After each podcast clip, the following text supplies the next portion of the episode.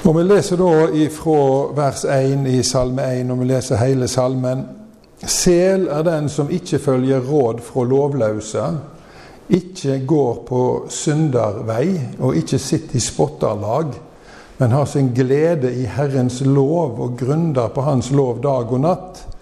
Han er lik et tre planta ved rennende vann. Det gir frukt i rett tid. Og lauvet visner ikke. Alt han gjør, skal lykkes. Slik er det ikke med de lovløse. De er lik agner som spreies for vinden. Derfor kan ingen skyldige bli stående i dommen.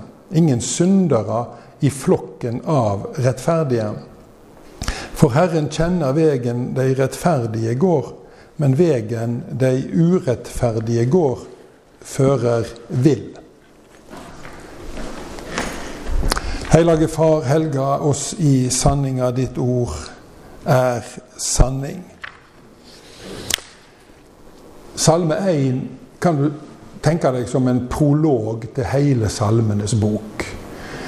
Der får vi liksom eh, en del av de viktigste temaene som ellers blir tatt opp i boka, presentert.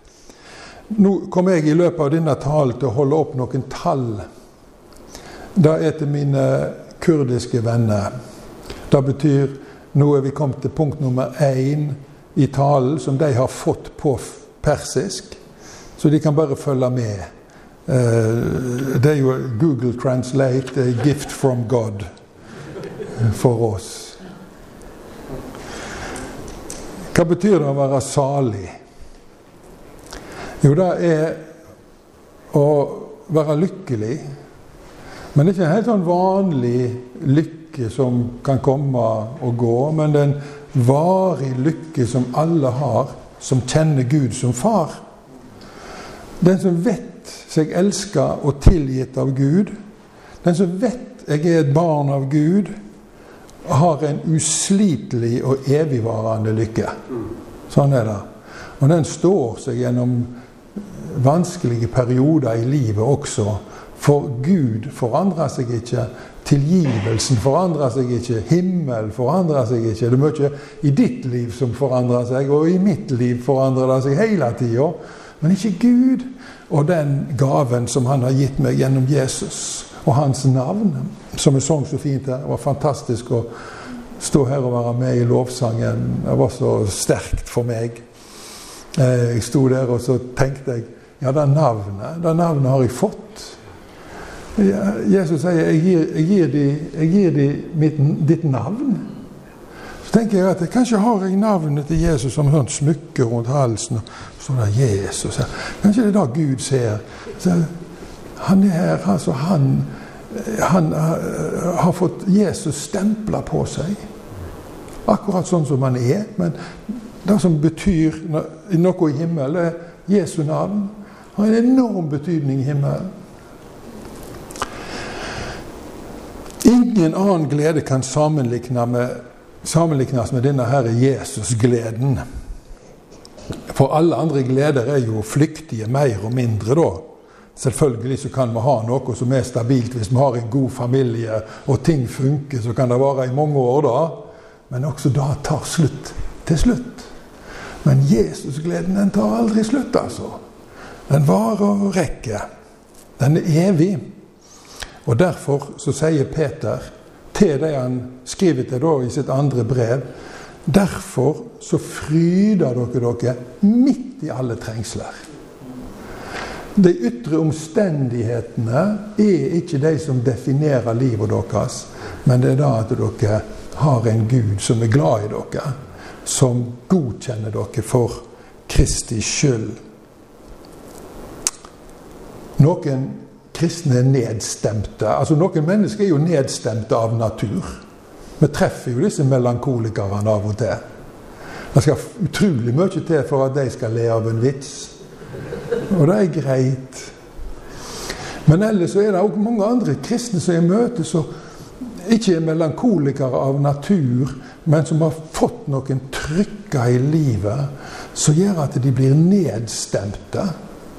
Klarer ikke å finne tilbake til gleden. Og nå Jeg glemmer jo alltid disse lappene, men vi kom til punkt to.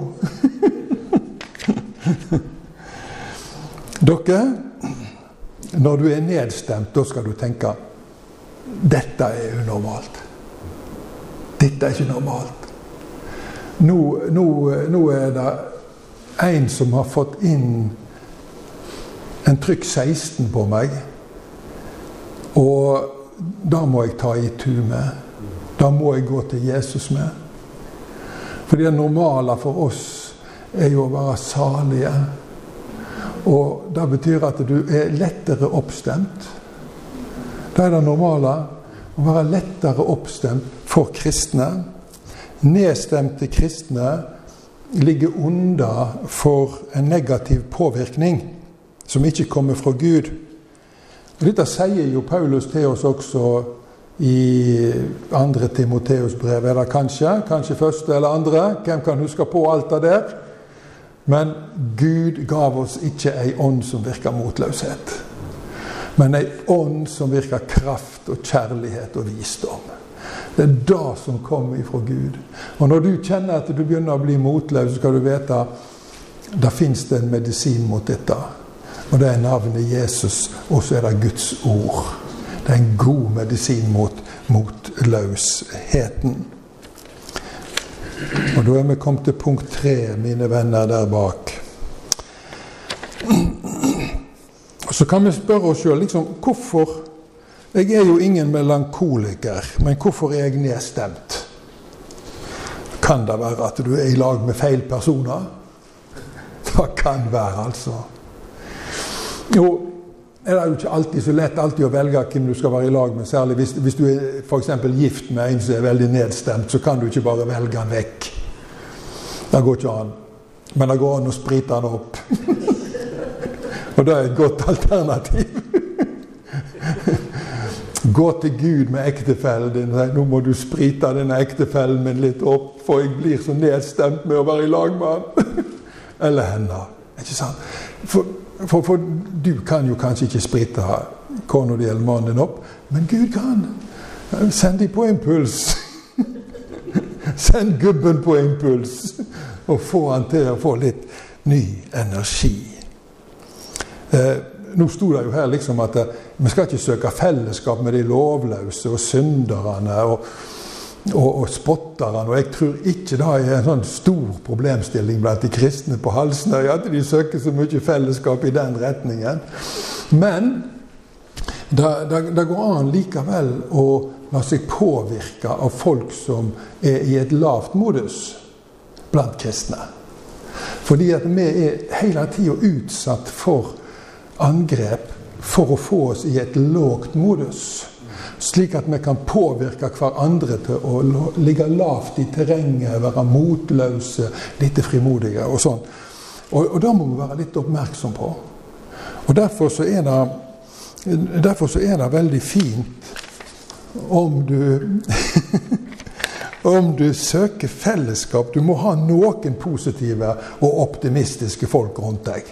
Det må du ha. Sørg alltid for det. Noen som kan løfte deg, og som kan være med og føre deg framover.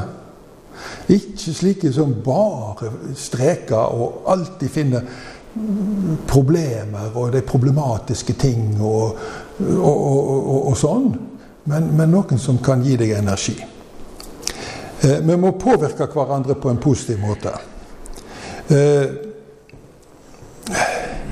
og, og når vi løfter Jesus opp og deler Guds ord med hverandre, så ligger det så mye positiv energi i det at vi risikerer faktisk å bli vennlige folk. Det kan vi risikere. Vennlige, hyggelige, gjestfrie. Og så begynner folk ellers å merke at ok, Eh, disse folka her, de har en god framtoning. De er gode å være i lag med. Det er evangelisering. Eh, Paulus skriver i Filippabrevet 4-5 at dere må la alle merke hvor vennlige dere er. Det, er liksom vår profil utad. Det er vennlighet. Det har ikke alltid vært sånn blant kristne. Eh, det har til og med vært kristne som har vært ronge mennesker. Vanskelige typer. Eh, nesten så de vil gå rundt og saksøke folk for saker og ting. Men det, det hører ikke hjemme noen plass. Vi er vennlige. Vi gir gjerne avkall på det som vi mener er våre retter. Og da kan jeg si med en gang en person som gikk gjennom Jerusalems gate på Jesu tid med et kors på ryggen, hadde blitt fratatt alle sine retter på jorda. Sånn var det. Og Jesus sier, 'Skal dere være i lag med meg, så må dere ta opp deres kors'. Og Det betyr at da legger du rettighetene dine til side. Da saksøker du ikke folk, altså. Det er ingen med et kors på ryggen som saksøker noen. Det er bare ikke det, altså. Da sier de 'OK, du skal få det du vil ha'. Ja. Det er noe der.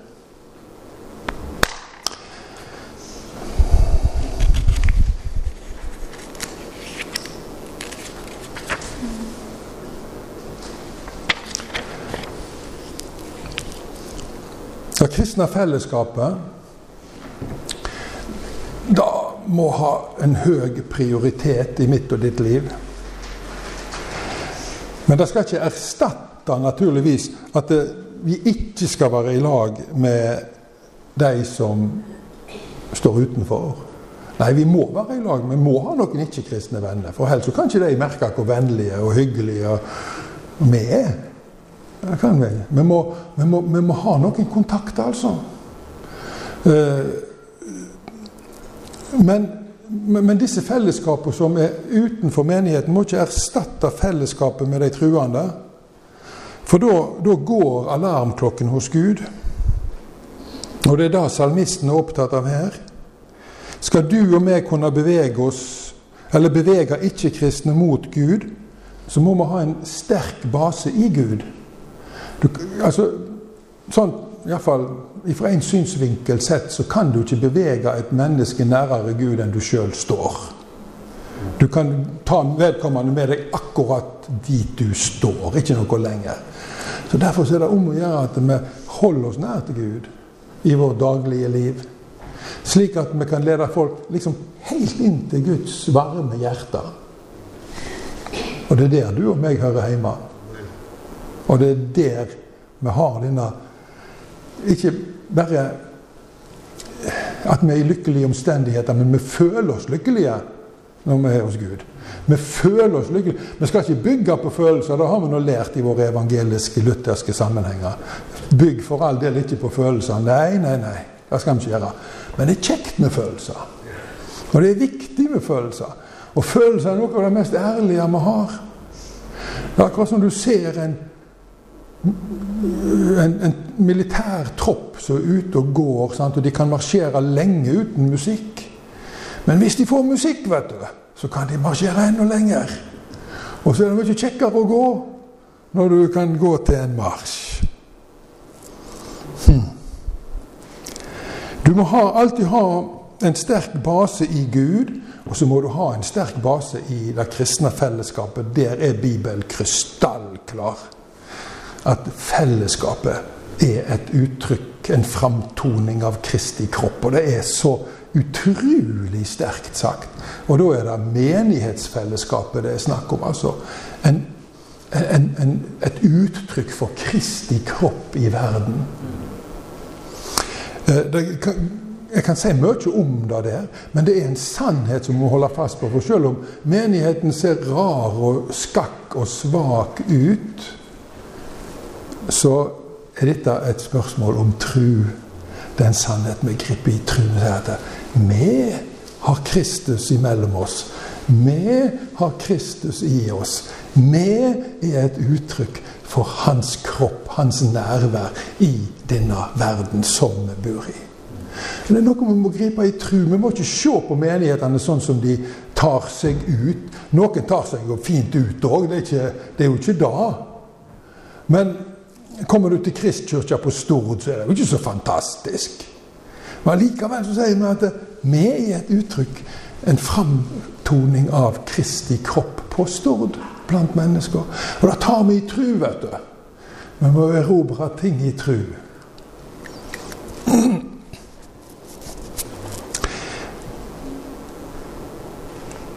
Du må ha noen som bryr seg om deg. Kristne som bryr seg om deg. Noen som ber for deg. Noen som du kan ha en fortrulighet til.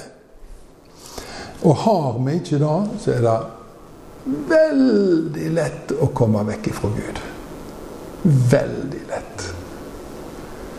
Så ta vare på fellesskapet, for fellesskapet tar vare på deg. Jesus hadde voldsom sans for fellesskap. Han eh, måtte jo ut i bushen og prøve å finne den ene bortkomne for å få han tilbake. Ikke bare til seg sjøl, men til fellesskapet. Til det 99. For de var viktige for den ene.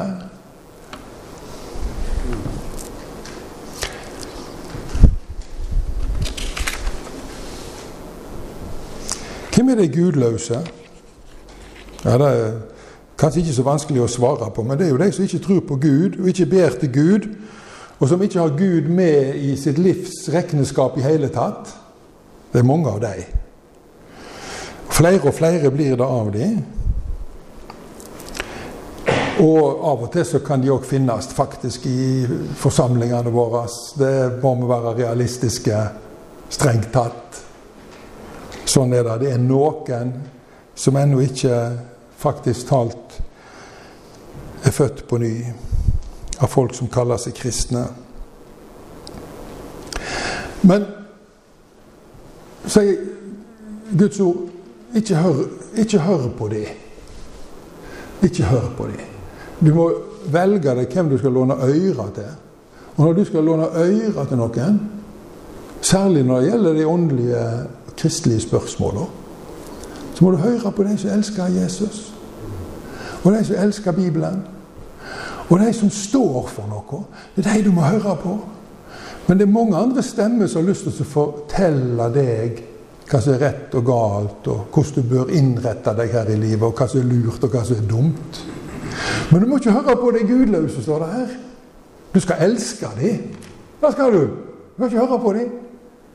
Du skal høre på de som elsker Gud og så demonstrere at de elsker Gud. Og du kjenner det på deres ånd at Ja, du kjenner Gud, du. Deg vil jeg høre på. Det er kjempeviktig i denne tida. Velg deg ut hvem du lytter til.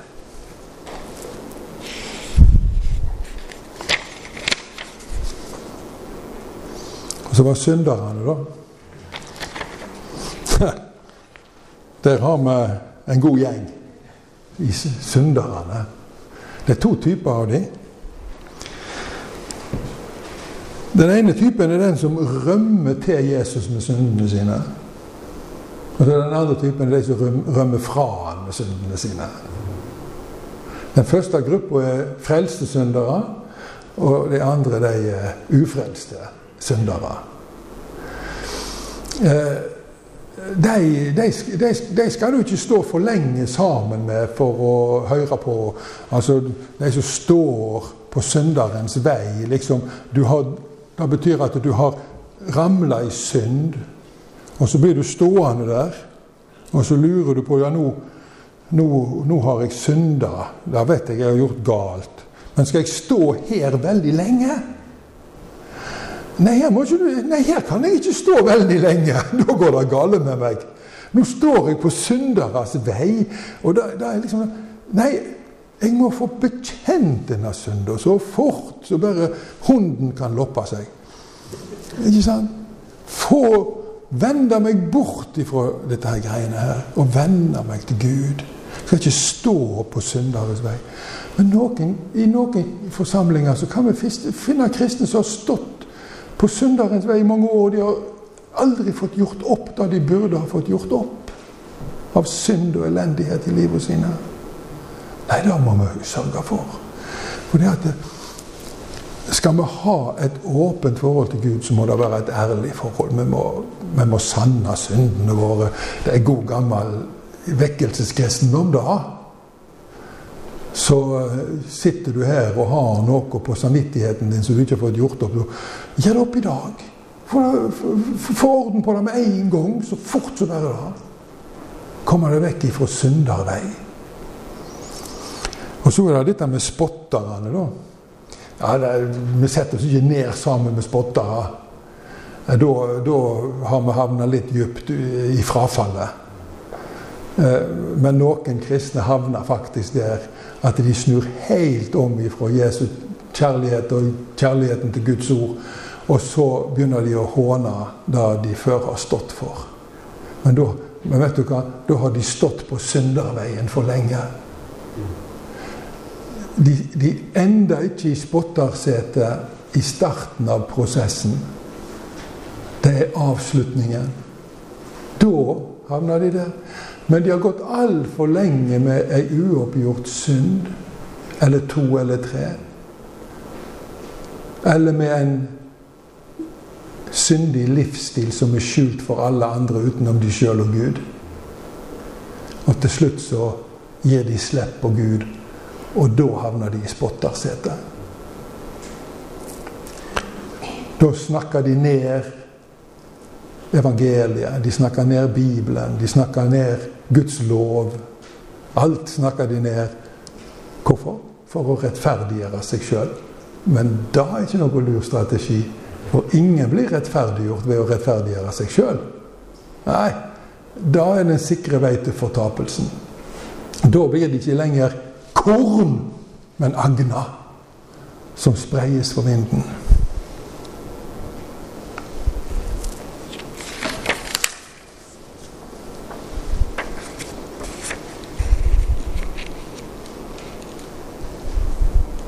Er det noe håp for spottere?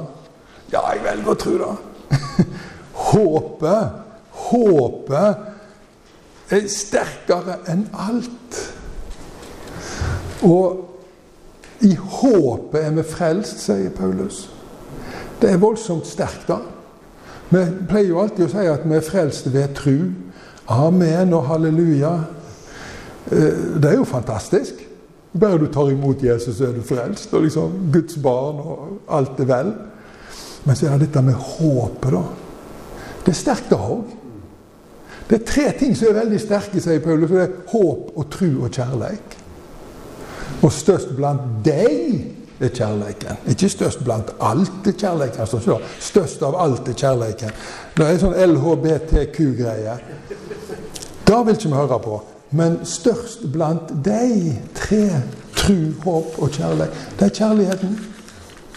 Og Ellers sier Paulus at du kan vise deg som en sterk truende og som en tungetaler og en profet og det ene med det andre. Men hvis du ikke har kjærlighet til dine medmennesker, så hjelper det deg ikke det grann.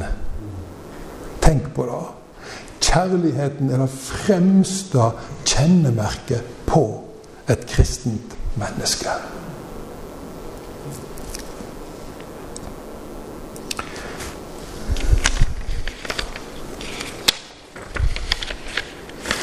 Nå går vi til ti. Vel, både du og jeg lar oss påvirke av omgivelsene våre. Og derfor så repeterer jeg nå at du skal, og meg, du og meg, jeg er med, jeg òg, vi må velge oss personer å være i lag med som gir oss energi, som styrker trua vår, som løfter oss opp og får oss til å fungere godt som kristne. Plei omgang med folk som kjenner og elsker Gud, som du kan be sammen med, dele Guds ord med, Guds tanker med.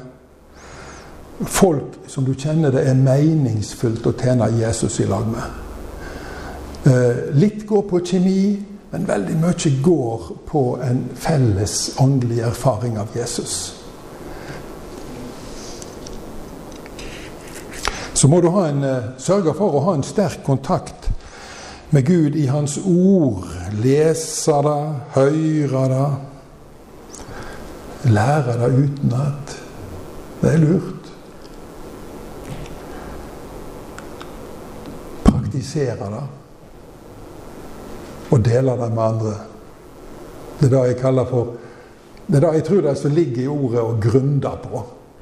Grunde.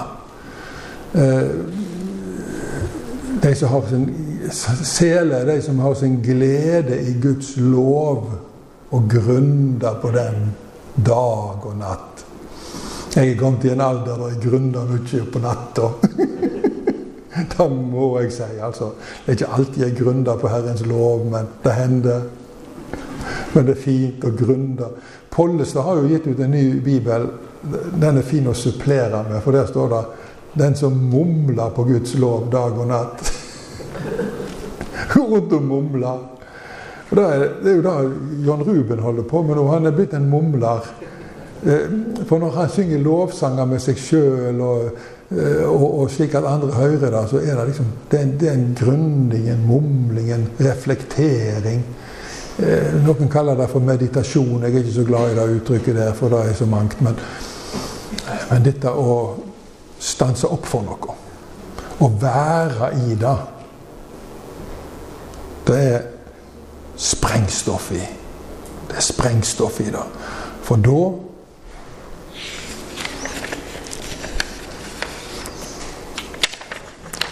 Da blir du Da blir du som et frukttre som står ved rennende vann. Du blir en frodig kristen. Og du utmerker deg på den ved, at, ved at du, du, er positivt innstilt til andre folk enn deg sjøl. Du, du, du, er god mot folk. Og så blir du en gledesspreder. Det står at andens frukt er kjærleik, glede og fred. Men da skal du vite at det, det er ikke primært det at du føler deg så fredfull, og at du føler deg så glad, og du føler deg så kjærlig. Det er ikke sånn det funker med frukt, skjønner du. Fordi at et epletre som bugner av epler, bærer ikke disse eplene for seg sjøl, men for andre. Så når du bærer gledens frukt, så er du en gledesspreder. Når du bærer fred som frukt, så er du en fredsskaper. Demper konflikter. Olje på vannet. Det, er ikke alle konflikter som er verdt å ta, altså. En må velge sine kriger, var det en som sa. Ikke sant? Og når folk er i lag med deg som bærer frukt, så føler de seg elska. Det er, det er som er kjærlighetens frukt. Det er de andre som kan gomle av deg. Du kan mumle på Guds ord, og så kan folk gomle på deg. Ikke sant? Det er jo herlig. Og dette virker av Guds ånd ved Guds ord. Vi skal ikke være så heisen, vi skal skjelne mellom ånden og ordet, men vi skal ikke skille dem fra hverandre. For her er det for det ordet som er åndens sverd. Og, og, og, Derfor så skal dere merke dere da at Efeserbrevet 5,18, som omtaler Nei, unnskyld, unnskyld meg. Eh, gal, nei. Ja, altså, jo, i Efeserbrevet 5, jeg tror det er 18 Bli fylt med Den hellige ande, slik at dere og så kommer det en rekke med fine ting som de holder på med, som er fylt av Den hellige ande. Ikke sant? Og så går du til Kolossabrevet 3,16, så står det La Kristi ord bu rikelig imellom dere, slik at dere Og så kommer akkurat den samme regla.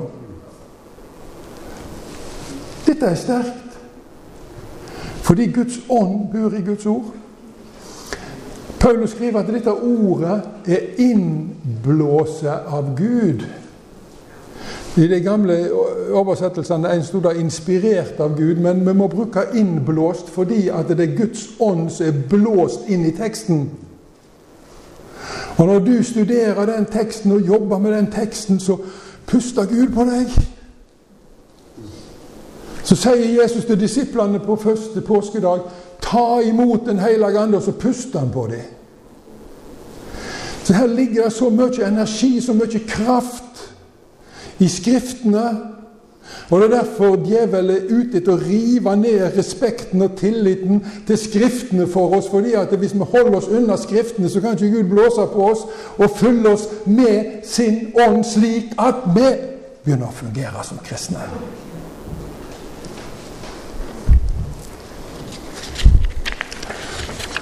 Og så sier Paulus sjøl i Romerbrevet kapittel 10 vers 17 at dette ordet som blir forkynt, det skaper tru. Det skaper det skapende ord. Trua kommer av forkynninga, og forkynninga ved Kristi ord. Og vi har fått det som ei fantastisk gave.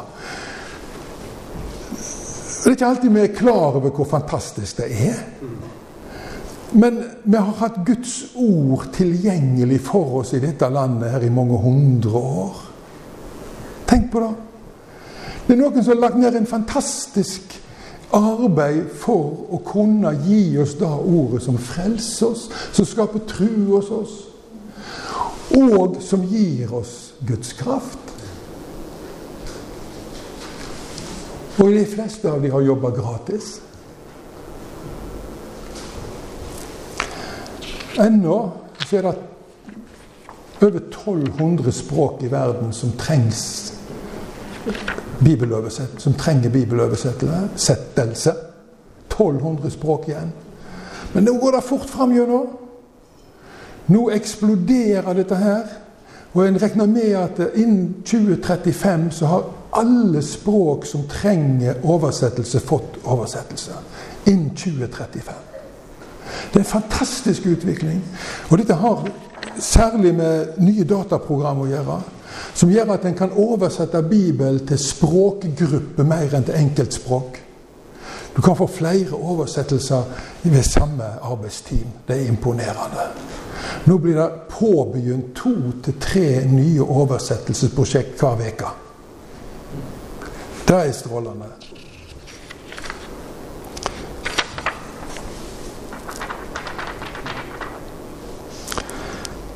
Der står det altså dette fantastiske at Guds ord formidler Guds ånd. Og da tenker jeg alltid på Kornelius. Kornelius' hus. Denne romerske offiseren som ble tilgodesett fordi han var en snill og god mann. Og Det er en sånn underlig greie. men vi, vi, har ikke alltid snakket så mye om det, men Gud liker når vi er snille og gode.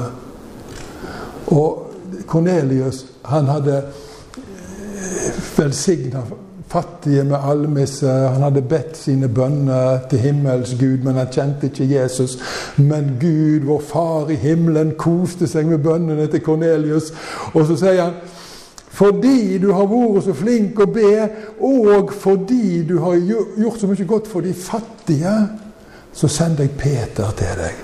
Og han skal fortelle deg, gi deg ord som du kan bli frelst ved.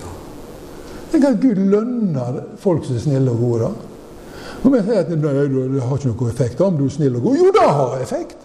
Det liker Gud. For da belønner han deg med å gi deg frelse gjennom forkynnelsen av evangeliet. Det har betydning for folk hvordan de innretter livet sine. Gud kom i Han, han, han husker på dem. Syns det er fint. Du har forstått noe, og nå skal du forstå mye mer. Nå skal du inn i favnen min. Så kom Peter, og så begynte han å forkynne evangeliet for disse romerne. Og så står det Og mens han talte, falt anden på de som hørte. Det er jo Guds ord. Utløste andens kraft over romerne og forvandla de totalt. Og De begynte å lovsynge Gud, og begynte å tale i tunge, og de begynte å profetere. Hva er det vi er med på? De lovs... Altså, dette er Guds ånd. Det er sånn han funker. Han lager kjempefest. Stemning. Han gjør det gøy å være kristen. Så jeg bare på Jan Ruben nå. Nå ble det plutselig gøy å være kristen. For han har fått en smak av Guds ånd. Herlig. Og så står det at dette treet det bærer frukt i sin tid. Og Det betyr at her er det kristen vokster det er snakk om. Men så står det et interessant ting. Bladene og visene, ikke, står det. Så jeg, kjære gode Gud, fortell meg om bladene på treet. Og de har sikkert fått altfor lite oppmerksomhet. Men vi vet at uten blad så blir det ikke noe frukt. Det er der det blir produsert. Og så henviste Gud meg til Johannes' åpenbaring, kapittel 22 og vers 2. Der står det noe interessant om bladene på livsens tre. Der står det Og disse bladene var til helbredelse for folkeslagene. Til helbredelse for folkeslagene. Er ikke det et interessant perspektiv når vi leser Salme 1, at det fins blad som heter helbredelse? Hmm. Du, kjære venn, hør nå. Det er ei helbredende kraft i åndelig sunne kristne som må få komme de syke til del. Er du en åndelig sunn kristen, en som står ved rennende vann og bærer frukt i si tid, og som får Herrens frodighet, så er det ei helbredende kraft i deg. Du har blad som ikke visner. Bør vi egentlig ikke arrangere ganske regelmessige helbredelsesmøter? Bør vi ikke det? Ja, Vi har jo blad som ikke visner. Vi er jo et en del av vintreet.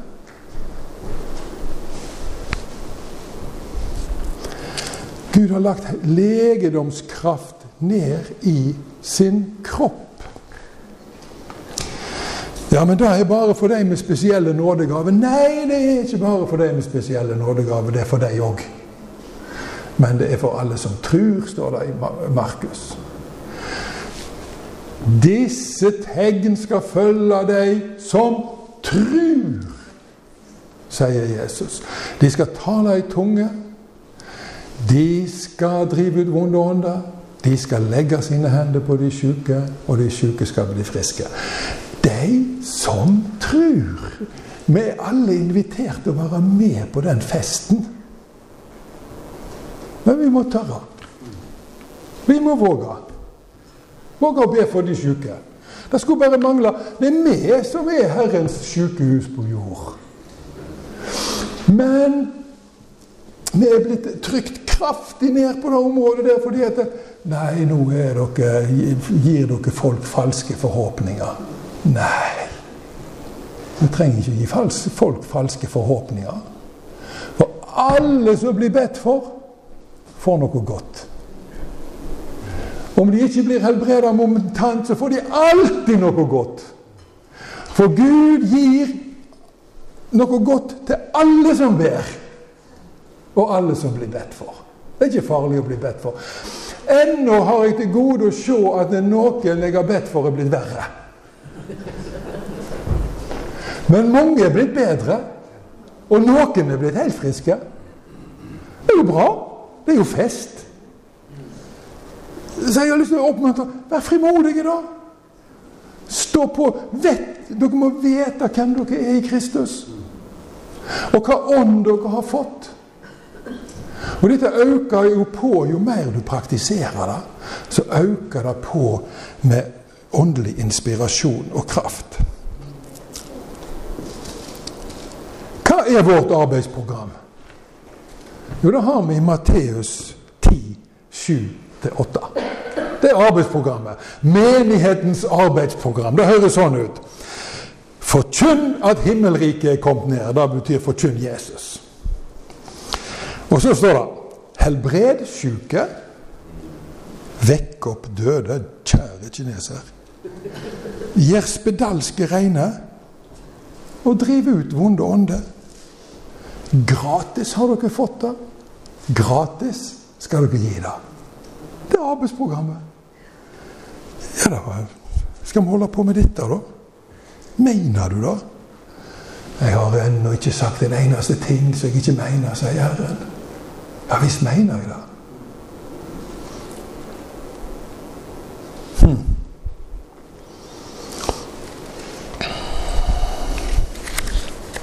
Og så står det hopper litt, hoppa litt. Alt da som en sunn kristen tar seg til, skal lykkes for han. Nei, nå, nå, nå tar du moen for fulle. Nå tar du moen for fulle. Dette er jo ren herlighetsteologi. Står det i Bibelen, da, det der? Ja. Men for ikke å si for mye, så kan vi iallfall si at alt som vi tar oss til innenfor Guds arbeidsprogram for sin menighet, det skal lykkes. Og Det betyr at arrangerer dere helbredelsesmøte på SOA, så skal det lykkes for dere. Dere skal få se store, gode ting skjer. Under og tegn. Og det skal lykkes for dere. Hvorfor? Jo, fordi dere følger arbeidsinstruksen ifra Gud, og da skal han lønne. Oi, så var det helt til slutt kornet og agnene. Kornet er altså et bilde på de som har Jesus i sine hjerter. De har noe levende og fast og godt i seg. Og agnene er et bilde på de som har valgt Jesus vekk. Og da får være avslutningen at skal vi inn i himmelriket, så må vi ha Jesus i våre hjerter. Og dette her har dere hørt tusen millioner ganger, og jeg sier det. Det gjelder fremdeles. Og vi må minne oss på det. Det er Jesus som teller i himmelen. Og du kan ha hatt et fullstendig mislykka liv, men har du Jesus i ditt hjerte den dagen du drar ditt siste sukk, så er neste stasjon himmelriket og heimen til Gud, din gode far. Så enkelt. Alle skal fram for Kristi domstol, men når du kommer, så er det ikke ei synd å se. Ikke ei synd å se, for den er tilgitt i Han. Og så sier han 'velkommen hjem'. Velkommen hjem. Gå inn til min fars glede. Gå inn til min fars glede. Så sitter vi her alle sammen, og vi vet hva som har lykkes for oss, og vi vet hva som har mislykkes for oss. Men har du Han, så har du livet. Så har du tilgivelsen, så har du barnekåret, så har du framtida, og så har du håpet. Og du skal ikke tvile på det et øyeblikk. Og da tenker jeg på, Jeg har jo mislykkes i mange ting. Men vet jeg at den dagen når jeg kommer fram og hjem til Gud, så betyr det ingenting. Det er finished. Da er det helt et annet kapittel. En ny bok, faktisk. Takk, Jesus, for ordet ditt, der du eh, forteller oss hva som fins i ditt hjerte, og hvordan tinga egentlig er skrudd sammen. Og jeg ber om din velsignelse over såer, hver enkelt som går her. Og la de få en skikkelig god tid framover og kjenne ditt nærvær i sine personlige liv og i menighetslivet. I Jesu navn. Amen.